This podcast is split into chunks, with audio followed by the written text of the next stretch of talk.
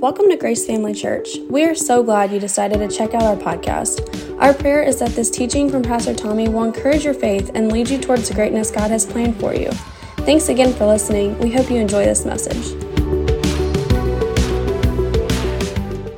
Well, we are in for a treat today. Um, we have a guest speaker here today, but he's not really a guest, he's family. He's a friend of the family for years, and he's a friend of this church for years, a part of this church. So we're just so blessed to have him. I'm just going to ask you if you would please put your hands together and give him a nice, warm welcome for Pastor Chad King.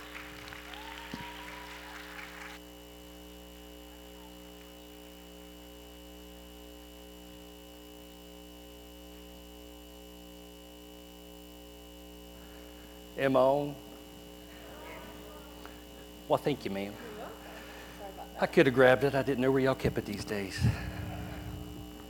How's everybody doing this morning? Well, there's no clock back there, so if you guys see me looking at my phone, I'm just keeping track of time to make sure I don't keep you till 3 o'clock, so um, it's probably a good thing. But if I see you on your phones, I'll figure I'm probably just boring you and I might speed up anyway, so. Although my two kids are on the front row, and God knows they'll be on their phones. Right? Yeah, that's the way it goes. Well, it's good to be here with you guys this morning, and um, I'm not going to, I don't, do I sound really loud out there? Because I sound really loud up here. I got a big mouth, so I do talk loud. And I hate the sound of my own voice, contrary to popular belief. Um, so, yeah, that's a lot better. Good, thank you. Well, I'm not going to delay anything this morning. I'm going to jump straight into the Word. I don't think there needs to be any kind of uh, long, drawn out thing before we get started this morning. Um, first thing I would like to do, if it's all right with you guys, is we're just going to pray for this service this morning. Father, we thank you and we praise you and we give you glory and we give you honor, Father God, for what you're going to do in this place today. Father, I pray that you would just use me as a vessel, Father God, for your word to come through, and that, Father God, our hearts would be challenged by what you have for us today. Father, I pray that the hearts of each and every person that's here, including myself, Father God, would be open to what it is that you have to say, and that this seed would go into good ground, and that it would take root, Father God, and that there would be a harvest. Lord, we just give you thanks and praise for that in Jesus' name. Amen. Amen. So this morning we're going to be talking about walking in love. Has everybody heard about 10,000 messages about walking in love? So I grew up in church. For those of you who don't know me, my dad was a pastor. Uh, so I grew up in church in a pastor's home, and so a lot of these messages, you know, I've heard, and I've heard, you know, 50,000 different versions of them. But how many of you know sometimes we just need to be reminded of certain things that we may have heard 10,000 times, because we tend to kind of sometimes forget about those things so they're no longer important. Uh, so this morning we're going to be talking about walking in love. And if you look at Ephesians chapter 5, you guys can probably follow along on the screen. Most of the verses will be up there today. Um, but if you got, brought your Bible, feel free to look them up yourself. But Ephesians chapter 5, verses 1 and 2, it says, Therefore be imitators of God as dear children, and walk in love we've been instructed to walk in love as Christ, as, as imitators of God. If we want to imitate God, that means we have to walk in love. It goes on in verse 2 and says, And walk in love as Christ has also loved us and given himself for us, an offering and a sacrifice to God for a sweet smelling aroma. If we want to have a sweet smelling aroma before God, that means we have to learn to walk in love. It doesn't mean that we have to uh, necessarily be the best of friends with everybody, the closest with everybody. Um, we don't necessarily have to, you know, entangle our lives with everybody. But the Bible makes it really clear that we are to walk in love. And so when we talk about walking in love, we can really look at that in a few different areas, right? Number one, we all know that we're supposed to love God, right? Do you agree we're supposed to love God? So you guys are a group that don't raise your hands much, right? Maybe we should have taken roll call to get you used to lifting your hands, do a little bit of aerobics. So, first, we know that we're supposed to love God, right? Secondly, we're supposed to love people. The problem here is, is there's different types of people, right? When you say God, God's, God's God. But when you start breaking it down for people and you start recognizing, okay, well, who am I supposed to love? You know, because you got this group and you've got this group and you got these people and you got these people. And really, you break it down into two real categories, right? You've got other Christians and then you've got a lost world. Well, how many of you know when we're called to walk in love, nobody's excluded? We're supposed to love God, we're supposed to love fellow Christians, and we're supposed to love the lost world. That really brings me to the, the first real main scripture that I want us to kind of break down a little bit today. And it's found in Matthew 22, and this is straight from Jesus. So in Matthew 22, starting in verse 36, it says, Teacher, which is the most important commandment in the law of Moses? And Jesus replied, You must love the Lord your God with all your heart, all your soul, and all your mind.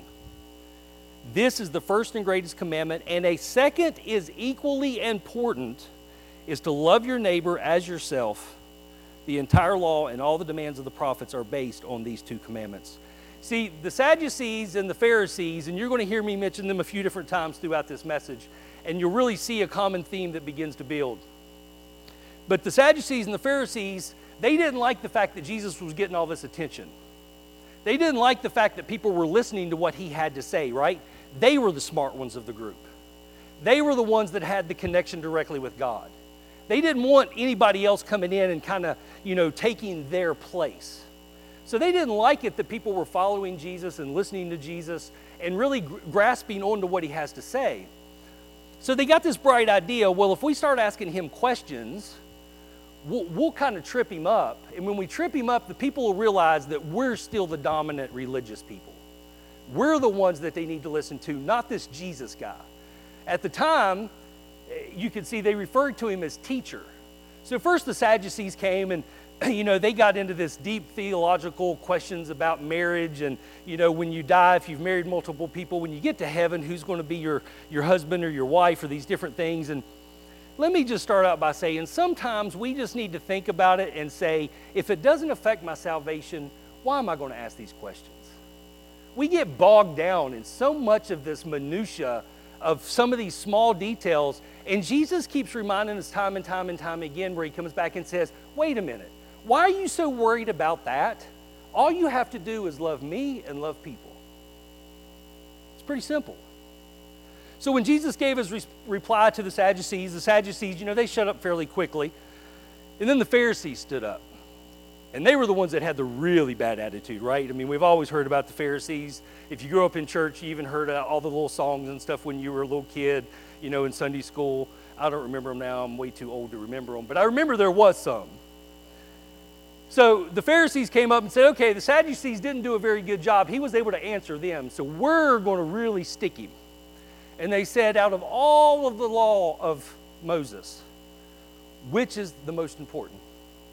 And Jesus very quickly responded and said, First of all, is to love the Lord thy God with all thy heart, with all thy soul, and with all thy mind.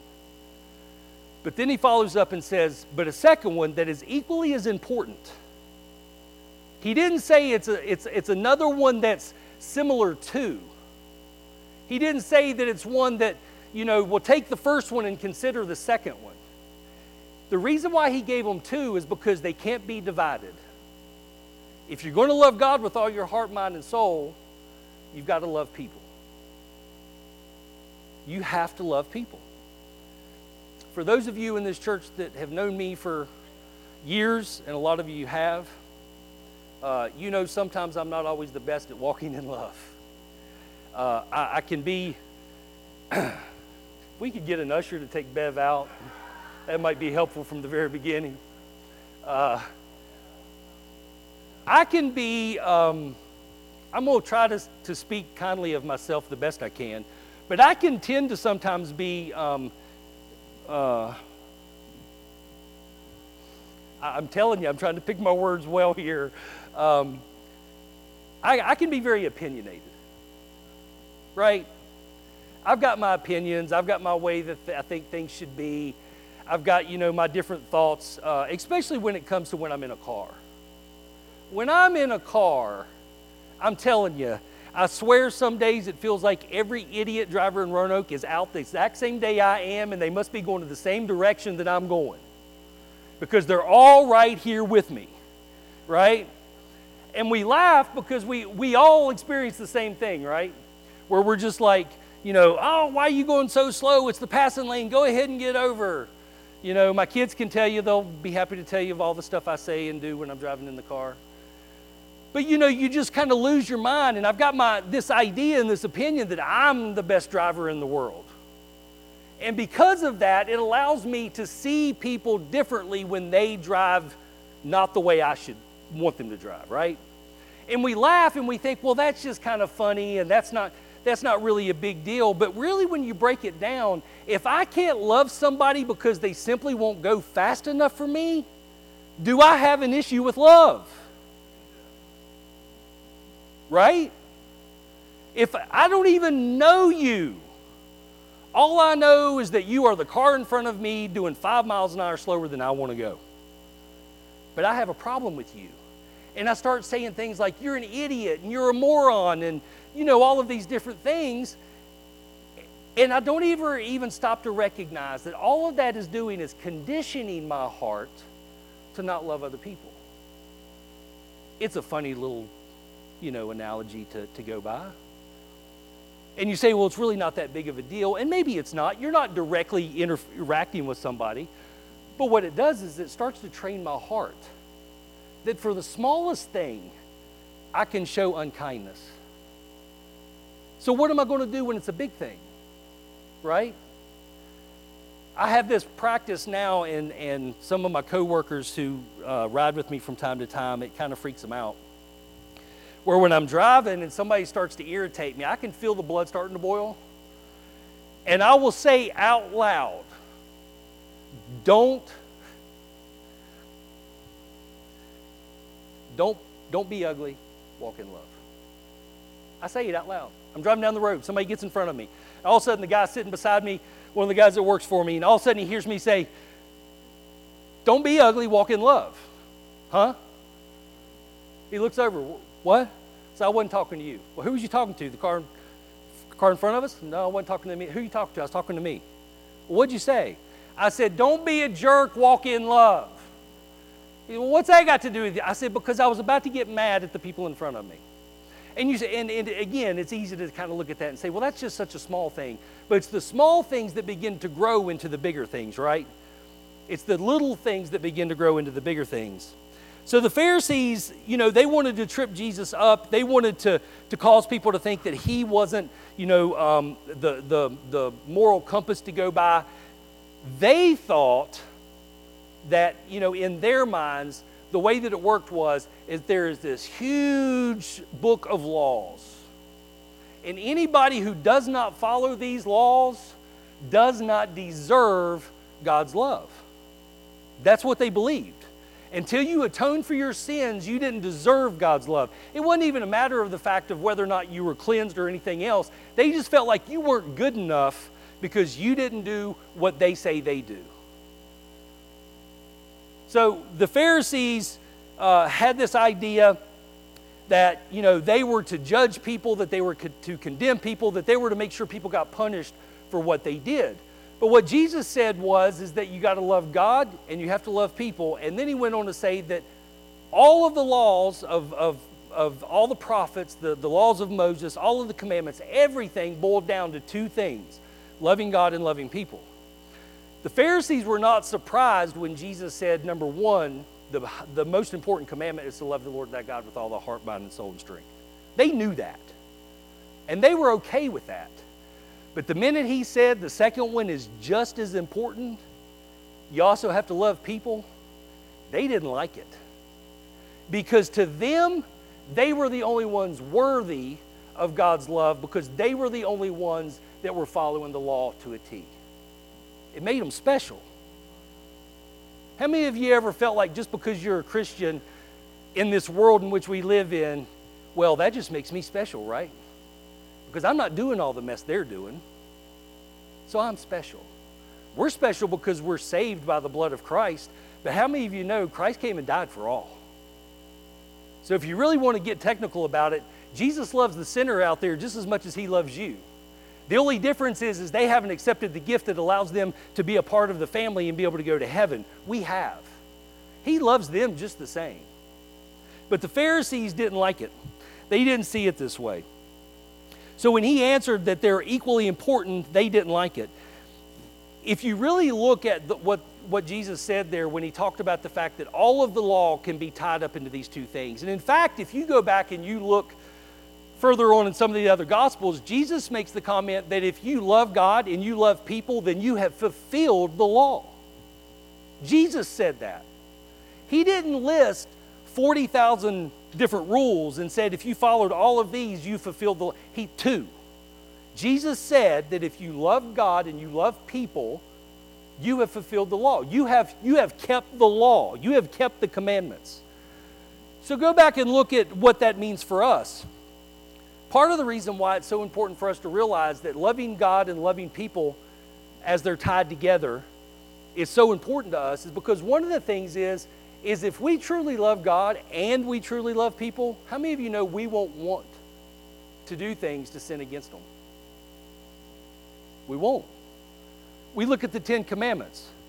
The first four commandments are all about you loving God. If you love God and you follow those, if you love God, then it's easy to follow those first four commandments. Why? Because you don't want to sin against God. You love God. The following six commandments are all about how we love people. If I love you, I'm not going to want to steal from you. If I love you, I'm not going to want to do something to hurt you. I'm not going to want to kill you unless you get in front of me in the fast lane. I'm not going to want to talk bad about you. I'm not going to want to look down on you. I'm not going to want to treat you like you're lesser than, right? I'm going to treat you better. Why? Because I, I love you. It doesn't mean I always get it right. It doesn't mean that we still don't falter and we don't have these problems. I mean, my kids can tell you I'm not a perfect dad. I, I, I fall short sometimes in the way I even show my love to them. But because I have a heart that does love them, my desire is to do good for them. My desire is to be there for them, to provide for them, to protect them, to help them, to nurture them. If you love people, it makes it so much easier to follow the commandments. Why? Because I'm not going to want to do you, I'm not going to do harm against you. But the Pharisees see things so much differently. You see, the Pharisees believed that since they were special, they followed the law, that they were a special group of people. But the problem is, is we now live in a world and a culture. How many of you ever heard the expression um, wokeness or we, we need to become more woke? Do your arms work? it keeps you awake if I get you to do that enough we've got this idea, the world is starting to tell us that if we become more woke, then we will have a loving society where everybody gets along with everybody and everybody loves each other and you know we'll take care of each other because we're woke, right? When really what they're saying is it's okay to do anything you want to do. It doesn't matter and everybody has to accept what you're doing and they still have to love you through it. Only part of that statement is correct. I still have to love you through it. I just don't have to love what you're doing. But that really begins to bend into a second area where we can see our love walk really affects us and really even affects other people. 2 Corinthians chapter 5, starting in verse 14. It says, For Christ's love compels us because we are convinced that one died for all. How many did he die for? and therefore all died. And he died for all, how many again? That those who live should no longer live for themselves, but for him who died for them as was raised again. And then in verse 18 it says, This is a gift from God. I love the fact that, it's re, that, it, that it comes across that way. This is a gift. This is not something that you earned. It's not something that you paid for. It's not something that you even had to beg for. It is a gift from God. I don't know about you, but there's something about recognizing the whole idea of what God did in giving his son Jesus, and even Jesus being willing to go to the cross, of recognizing how much of a gift that is. It, it, just, it just completely baffles my mind that somebody can be so loving towards us that they're willing to give that kind of a gift. But it says, This is a gift from God who reconciled us to himself through Christ and gave us the ministry of reconciliation. I know that a few months back here at Grace, Pastor Tommy had told me that you guys were really working on the fact about soul winning and about reaching the lost and reaching the people around you. And it was so just, um, it just really touched my heart to hear some of the stories that he was telling me of different individuals and what you were doing and, and how he could just kind of begin to see that shift in, in your minds about, you know, actually reaching the lost. You know, the church has gotten kind of isolated to a point to where sometimes we kind of forget about the fact that there's even a lost world out there. We don't see them anymore as a lost world that needs to be reconciled to God. We see them as a lost world that, well, the, this earth's going to hell in a handbasket. They've asked for it. They're going to get what they're, they, they're going to get what they ask for. But what we're told is that we have been given the ministry of reconciliation. Reconcile, reconciling man to God. That God was reconciling the world to himself in Christ, not counting people's sins against them, and he has committed us to the message of reconciliation.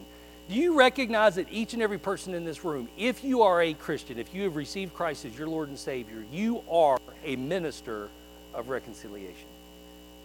Every single one of us, without exception. It doesn't mean you're called into the fivefold ministry, but what it does mean is that it is your responsibility to find a way to reconcile man to God. And how do we do that? It said it right there, right? Through Christ. We show Christ through us to bring reconciliation between the lost world and God. But we've, we've tended to kind of get into this Pharisee mindset. We tend to get into this Pharisee mindset where it says, the world's, the, and I'll tell you this, I think Satan has done a phenomenal job. I really do. I think he has done a phenomenal job of getting sin so blatant and so out in your face that it causes Christians to get angry and to get mad at the sinners instead of the sin. We have gotten to a point to where we see them as it's them against us and it's us against them.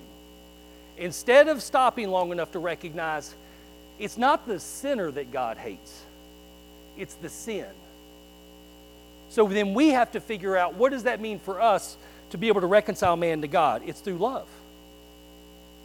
You're not going to reconcile man to God by going out here and telling everybody everything they're doing is wrong. They're a lost world. What do you expect them to do? They don't know Christ. They don't have the Holy Spirit living on the inside of them, producing the fruit of the Spirit. They don't know what they're doing is wrong. but yet we have this idea of, well, they've just gotten so bad. God still loves them. And we have to find a way to love them too.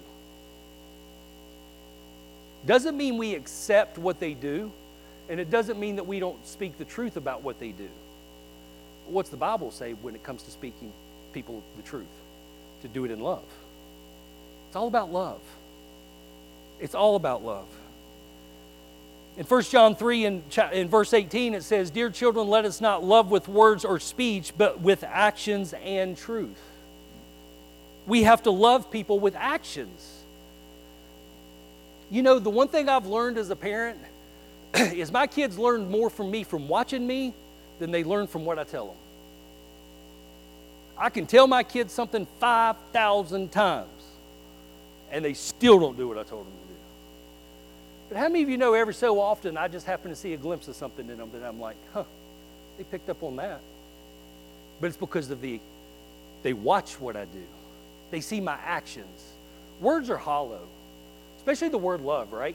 You go out into the lost world and you say, Oh, I love you, I love you, I love you, but then you turn right around and you bash all of the different groups that they're a part of.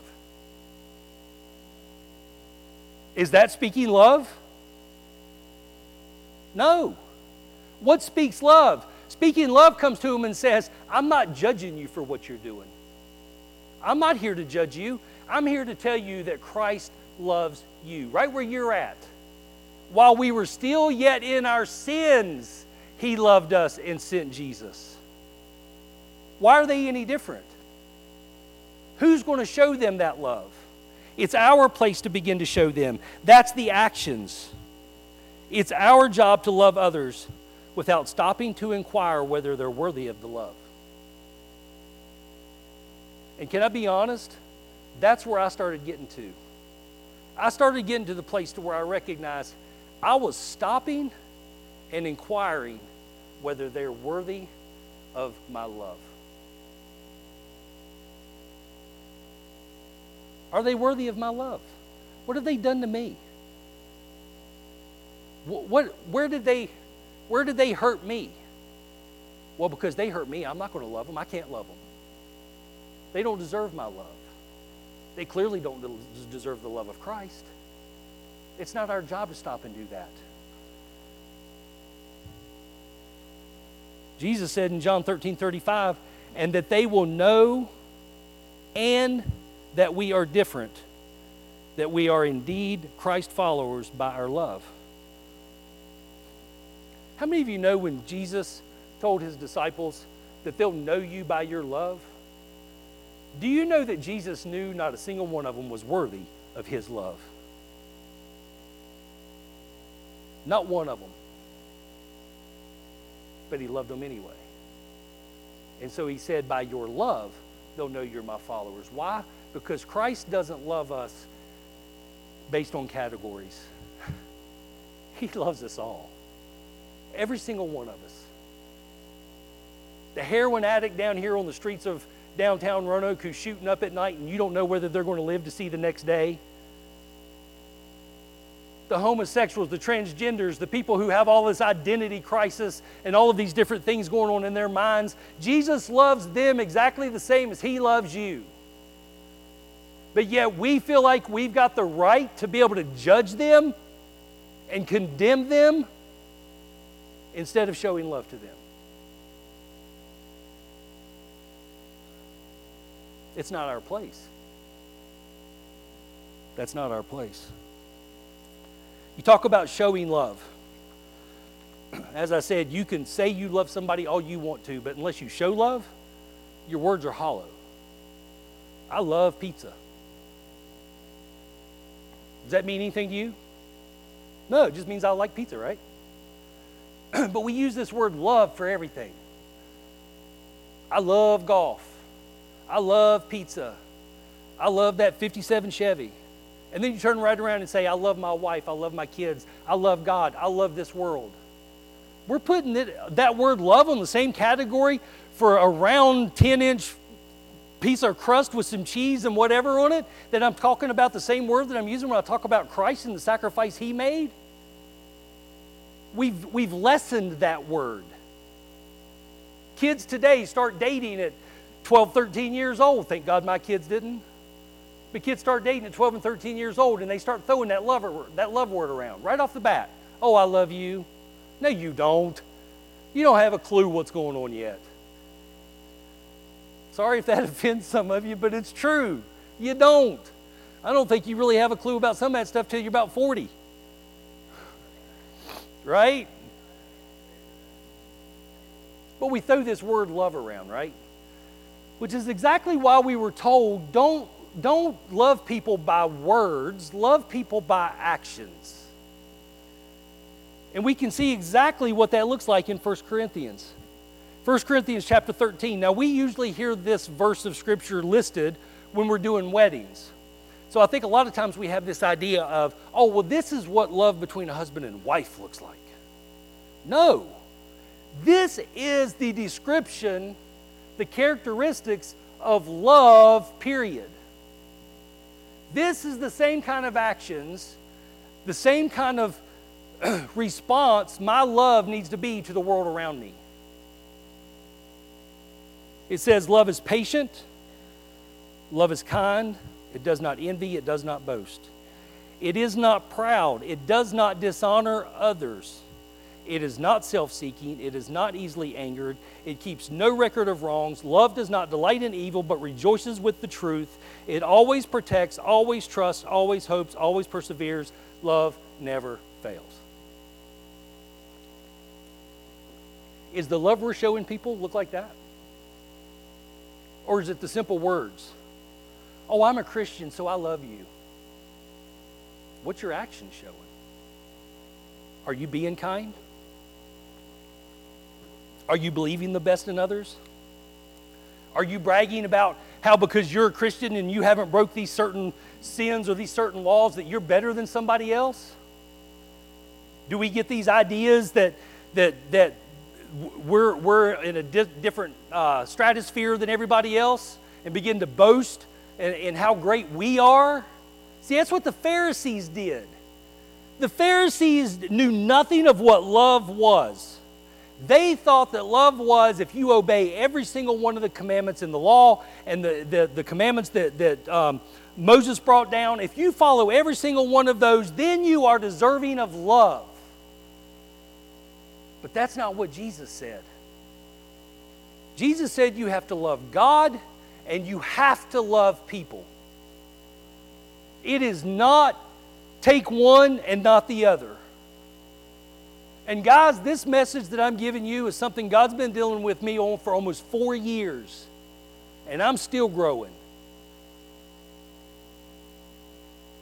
But I at least recognize now that I have to walk in love. I have to.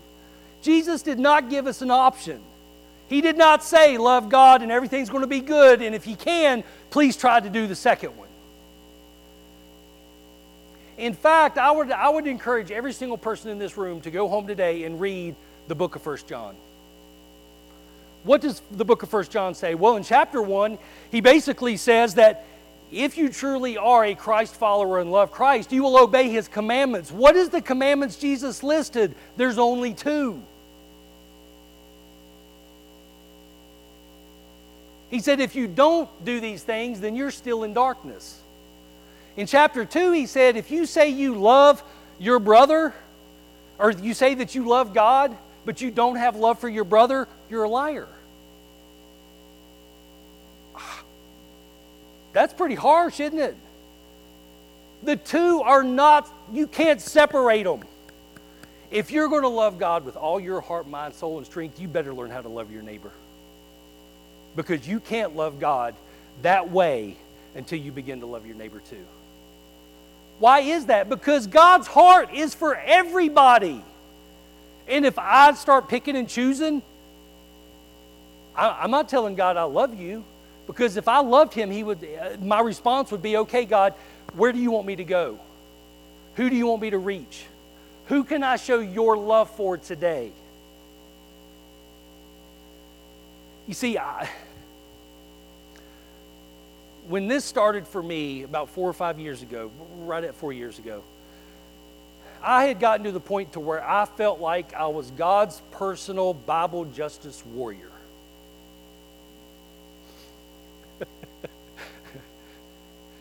I was waiting for God to give me my Captain America shield and the whole nine yards.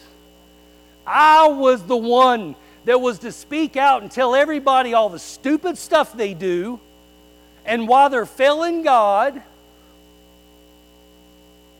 I'm very, I, not so much now. I used to be very political. I believe what I believe, and unfortunately, I was at a point to where I felt like if you did not believe what I believe, then you were just stupid.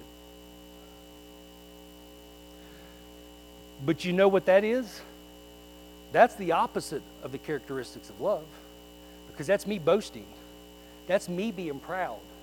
That's not me thinking the best about others. That's about me. There's no love in that statement. But I felt like it was my duty to go on Facebook or to go on Instagram or even when I've got a group of, of um, employees that are they're maintenance technicians. And uh, I get with them almost every single morning to kind of basically just to make sure the, the, the, the train's staying on the tracks. And you've got a group of people, you're going to have people from all different gambits, right? We have Republicans, we have Democrats, we have libertarians, I mean, you name it, every single one of them is represented. And I found myself getting caught up in these conversations in an attitude and direction of looking at these lost people. A guy that I know for a fact has told me, I don't believe in God. And my responses when he believes differently on politics, my response is, well, you're just not educated. You need to go get more education. You need. Is that love? No. I had to separate myself from listening to any kind of podcast or anything that had to do with anything political. because it started to get me to a point to where not only was I not walking in love, but some could probably even argue there was hatred beginning to grow in my heart. So much so to the point to where my kids would tell me every time the news was on and a news story would come up, they knew it was going to flare me up. They'd see it coming. Before it even happened, they would say, Turn the channel, Dad, turn the channel, turn the channel, turn the channel. And I'd wait, and sure enough, they would trigger me. And I'd just go off. And I thought that I was being God's biblical justice warrior. I'm the one letting everybody know what's wrong. Until one day,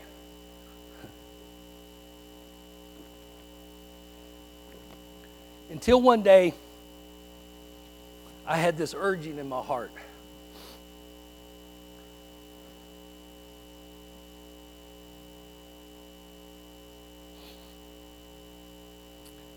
About reaching the lost. And how many of you remember in the Bible where said, Send me, Lord? Remember that? How many of you have ever said that? God, send me. Use me I want to be a part of what you want to do. God, send me. And it wasn't an audible voice or anything like that.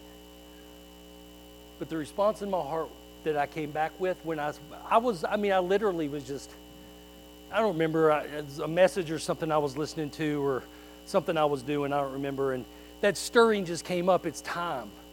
Guys, this world is wrapping up quick. If you believe in the Bible, you have to know that we are in the last of the last of the last of the last days. And it is time that we have a heart that says, I want to reach people. But you know, when I said, God send me, you know what I felt? I can't send you to witness to people that you don't love. What? I'm a Christian. I love everybody. Are you showing it? What's your love walk like? How are you responding to people around you? We're supposed to love everybody. And the reality of it is, most of the time, we don't even like other Christians. Can I just be honest? I don't like the Baptists because they don't believe in speaking in tongues. They don't want to believe in speaking in tongues. I don't care. There's probably no organization that learns how to disciple people better than the Baptist. Oh, well, I can't. I, mm. We talk bad about them, we badmouth them. And the Presbyterian and the Wesleyans and all these different, well, they're not us. We're, we're a word of faith church. I don't care what you are. At the end of the day, it is your job to love them just like it is to love your own family.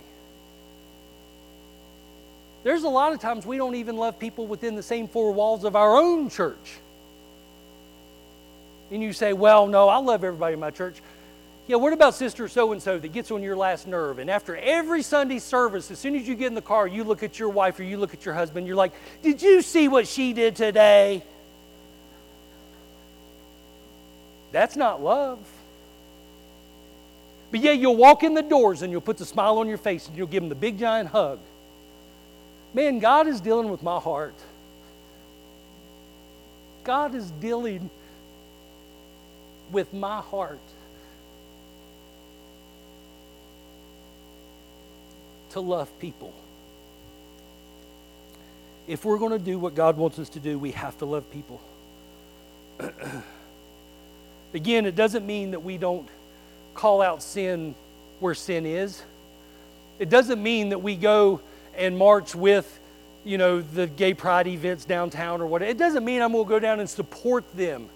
But what it does mean is, is when I have the opportunity and people ask me certain questions, I have to guard myself and say, why are they asking this question? Are they being like the Pharisees? Are they trying to get me into a trap here when they come to me and they say, well, what do you think about this whole situation of, of all of this uh, gender questions? How do I answer that? Do I just jump out immediately and says, "Well, the Bible said"? Does it mean we can't say what the Bible is? No, but know who's asking. Because the Pharisees were asking a question, and Jesus came right back and said, "Ignore everything else. Do these two things. Do these two things. Love God, love people." I have an individual that works for me that a few years ago came, sat in my office, and said, I've decided that I'm non binary. Okay, what's that mean? I had no clue. They explained to me what it meant.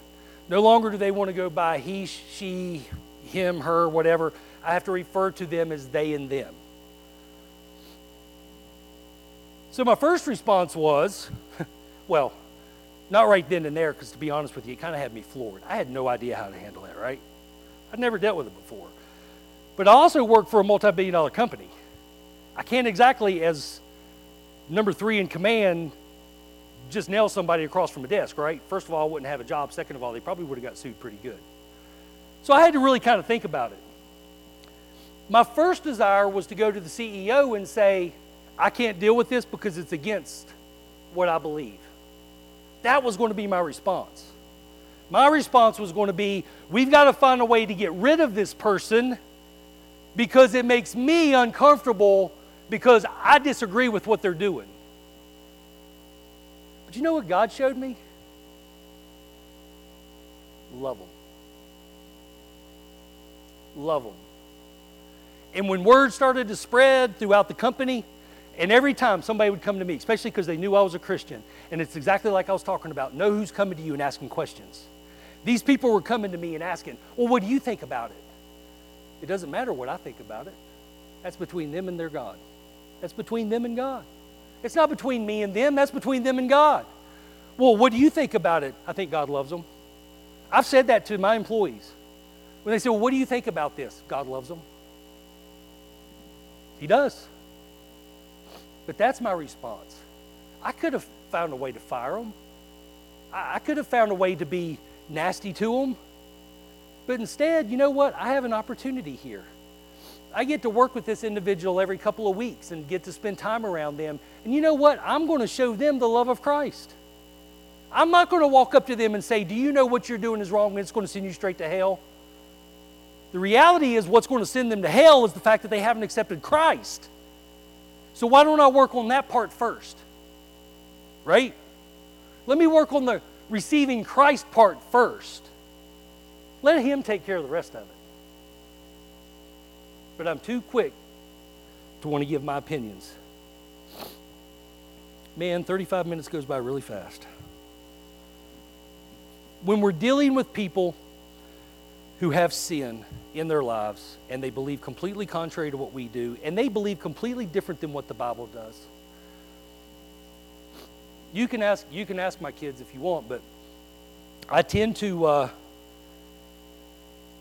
you ever met somebody that just really seems out there? And your first response is, wow, they're weird. Right? They're weird. And just that word alone begins to cause you to have further conversation about how weird they are. Well, really, what that's doing is I'm, I'm denigrating them. I'm talking down on them. I, I'm not showing love.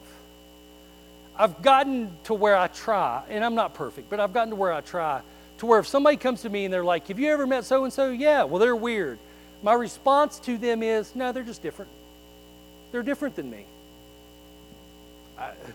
Who's to say what's normal, right? I mean, if you ask Wes, I'm pretty weird. But the truth of the matter is, we're just different. And especially when it's a lost world who does not know Christ, what do we expect them to do? But how are we ever going to reach that lost world if we're not willing to show the same kind of love and compassion that Christ did? If you go through and you look and see what Jesus did, when Jesus dealt with people with sin in their lives, he showed compassion, grace, mercy, and love, and then he addressed their sin. Are you familiar with the story of Mary Magdalene? He saves her life, he shows her compassion, he gives her grace, and after she recognizes that love, and there's an expression from her of, I receive this love that you're giving to me, then he says, Go and sin no more. The love was first. The woman at the well, same thing. What did Jesus do? Did he go and condemn her and right off the bat say, You know what, you're living in sin? No, he went and showed her compassion. The simple fact that he was there and willing to talk to her showed her compassion.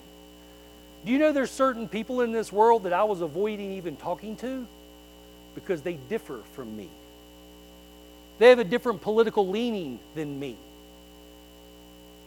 They're different than me. And so, because I didn't want to deal with the uncomfortableness of the situation, oh, I'll just stay away from them. The reality is, we're supposed to love them. We're supposed to love them. If the worship team would come up, that would be great. It's our job to reach a lost world. but we can't do it if we don't love that lost world. There are things that, that, that I, I truly do believe, and I believe this with all my heart. I believe Satan knew he could raise up another generation of, of Pharisees. I think he knew that he could raise up another generation of Pharisees by simply making sin so blatant that we had to look at it every single day. To a point to where all of a sudden our thought process is no longer how are we going to win the lost, but oh my God, this world is just so bad and, and, the, and everything's going to happen and this and that and whatever, that we begin to judge these people instead of wanting to show love with them. It's not my job to judge them. It's my job to love them. And when I have the opportunity, it is my opportunity or it's my responsibility to then let them know what the Word of God says. But my first job is to love them. They're not going to listen to a word you have to say if they feel like you don't love them. You think these people that work for me, after, I mean, it's, I just now, four years into this, am getting to a point to where I have coworkers. I took a coworker to church with me the other week. The same guy that talked about he doesn't even believe there's a God, he's starting to ask some questions. But do you know what? I would have had this opportunity a whole lot longer ago had they seen love in me instead of judgment. And it's taken time for that to change. But they'll notice it the place where you're employed, the family you're around, the neighbors you have? What kind of love are you showing? Are, are you like me where you feel like it's your job to point out everything they do wrong? Or are you quicker to want to say, No, I love you. And I'm going to show you I love you because I'm not going to talk bad about you. I'm not going to have ill, ill will towards you. I'm going to think the best of you. I'm going to pray for you. How about all those people that's done you wrong in your life? How about all those people who have hurt you, who have done things to you, and you you you just I can't love them? Yes, you can. Jesus said to love your enemies. Jesus said to love your enemies, to pray for those people who persecute you, to bless those who do evil towards you, right? He wouldn't tell us to do something if we couldn't do it. But we first have to switch in our minds and we have to say, I want to love people. when God spoke that to my heart, and again, it wasn't an audible voice, but I really feel like it was God telling me, You want me to use you to reach the lost? Start loving the lost. You're not going to reach, you can't reach people you don't love. You just can't.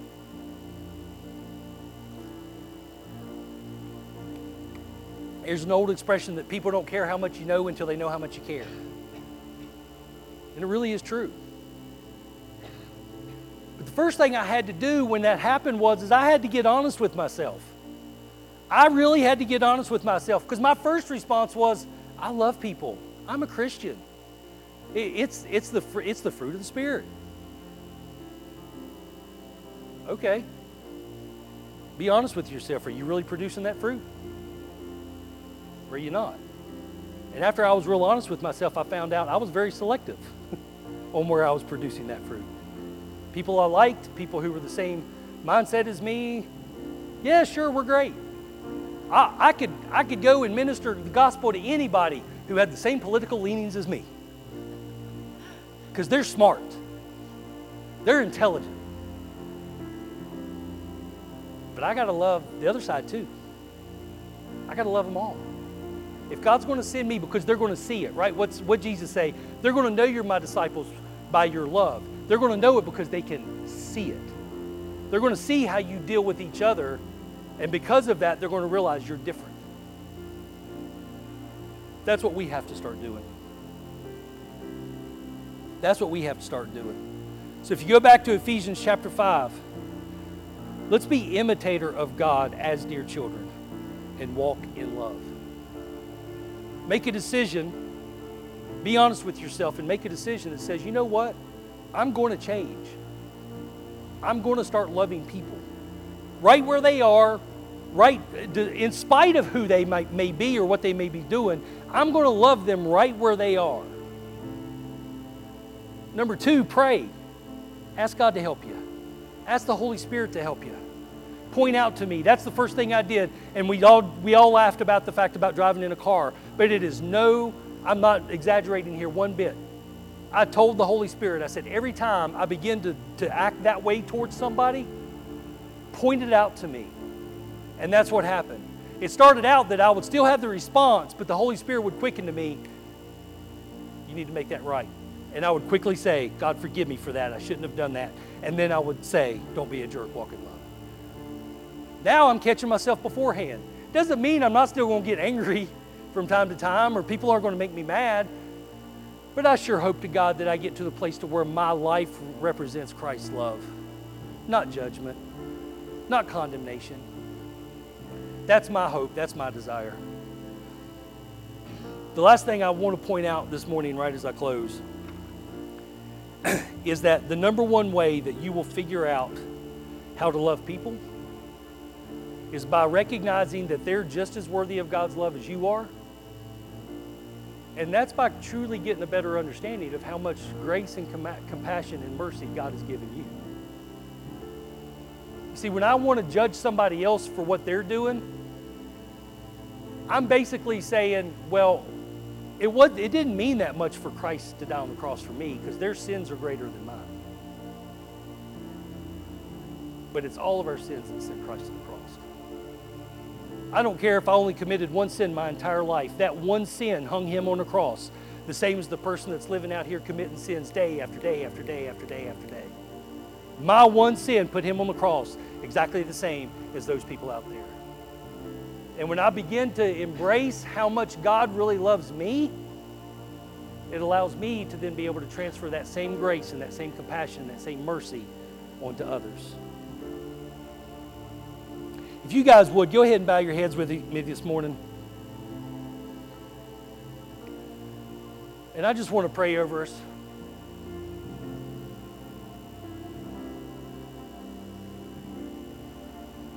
But before I do, I want to ask one question.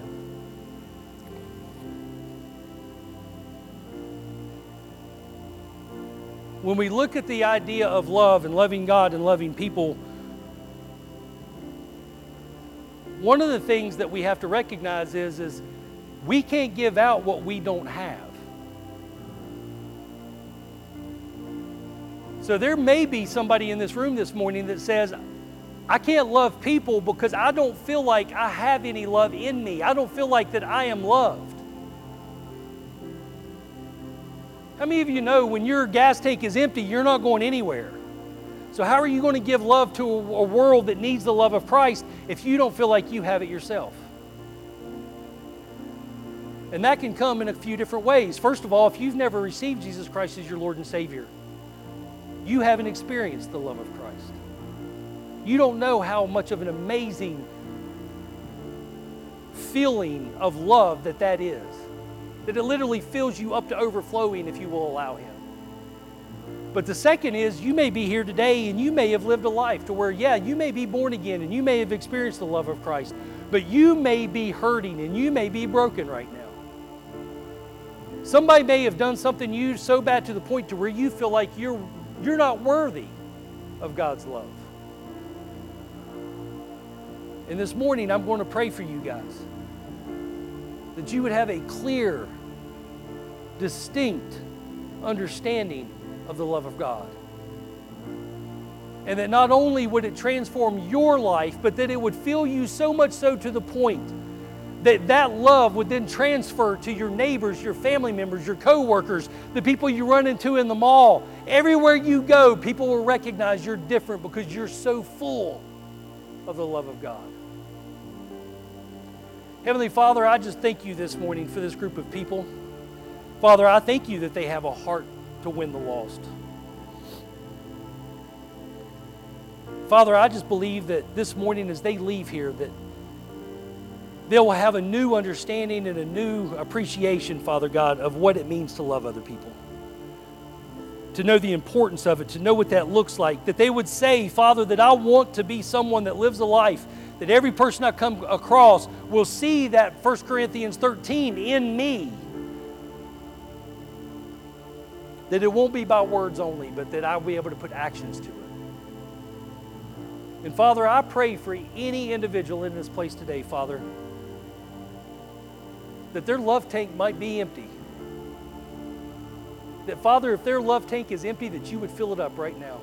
Father God, I pray that you would just wrap your arms around them right now, Father God, to let them know how much they are loved, that Jesus died on the cross for them, and that they are just as much loved as Billy Graham or any other great man or woman of God, that you love them the same that they're worthy of your love because of what Christ did on the cross. Father, let us just take your love and shed it all across this city, this state, this country, this world. Father God, it's those little things that begin to ignite and take off. Father God, I pray that this is a group of people that will begin to see because of the love that comes out of them, lives will be changed. Lives will be changed because of your love that comes through us. And we thank you for it, Father, in Jesus' name. Amen. Amen. So, just on that last note, let me ask another question. And you can raise your hands for this one. Has anybody been to see the Jesus Revolution movie yet? I haven't seen it yet. My daughter went. She was supposed to go with us, but she decided to go with some boy instead. So. The joys of a 17 year old daughter, right? I haven't seen it yet. But you know, it's interesting to me. If you're listening, all across the country, there's little things going on. Little things going on. You had Asbury, right? You had that revival that was going on in Asbury. Uh, you have that was spreading to some other uh, college campuses. I think the last one I heard about was what Texas A&M maybe. Um, so God's moving and God's doing things. but if you look at all of these different things, and even the movie, you say, well, it's a movie out of Hollywood. I don't care. God can use whatever He wants to use. I'll tell you this I'm a huge fan of Chuck Smith and Greg Laurie both. I've known their ministries for years. And let me tell you something those men did what they did through showing love. It wasn't about getting up and telling the hippies that the dope smoking was wrong and the poppy seeds this is wrong and the summer of love was wrong and all these. It was all love. All of that happened because of love. The last message that was preached at Asbury before the, the revival broke out was about love. It was about learning to be sacrificial to other people and loving people with the same kind of love that Christ loved them. And all of a sudden we see revival. Guys, you want to see revival in this town? Start loving people. Start loving people. They, they won't be able to ignore it. They just won't. So I guess with all that being said, go see the movie Jesus Revolution. maybe I'll see you there when I finally get to see it.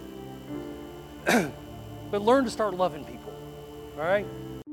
Thanks for listening to our Grace Family Church podcast. We really hope you enjoyed this message. If this ministry has blessed you in any way, we would love for you to get connected. Just go to gfcva.info to learn more about who we are, how to give to this ministry, or how you can get involved. Thanks again for listening, and we hope to see you soon.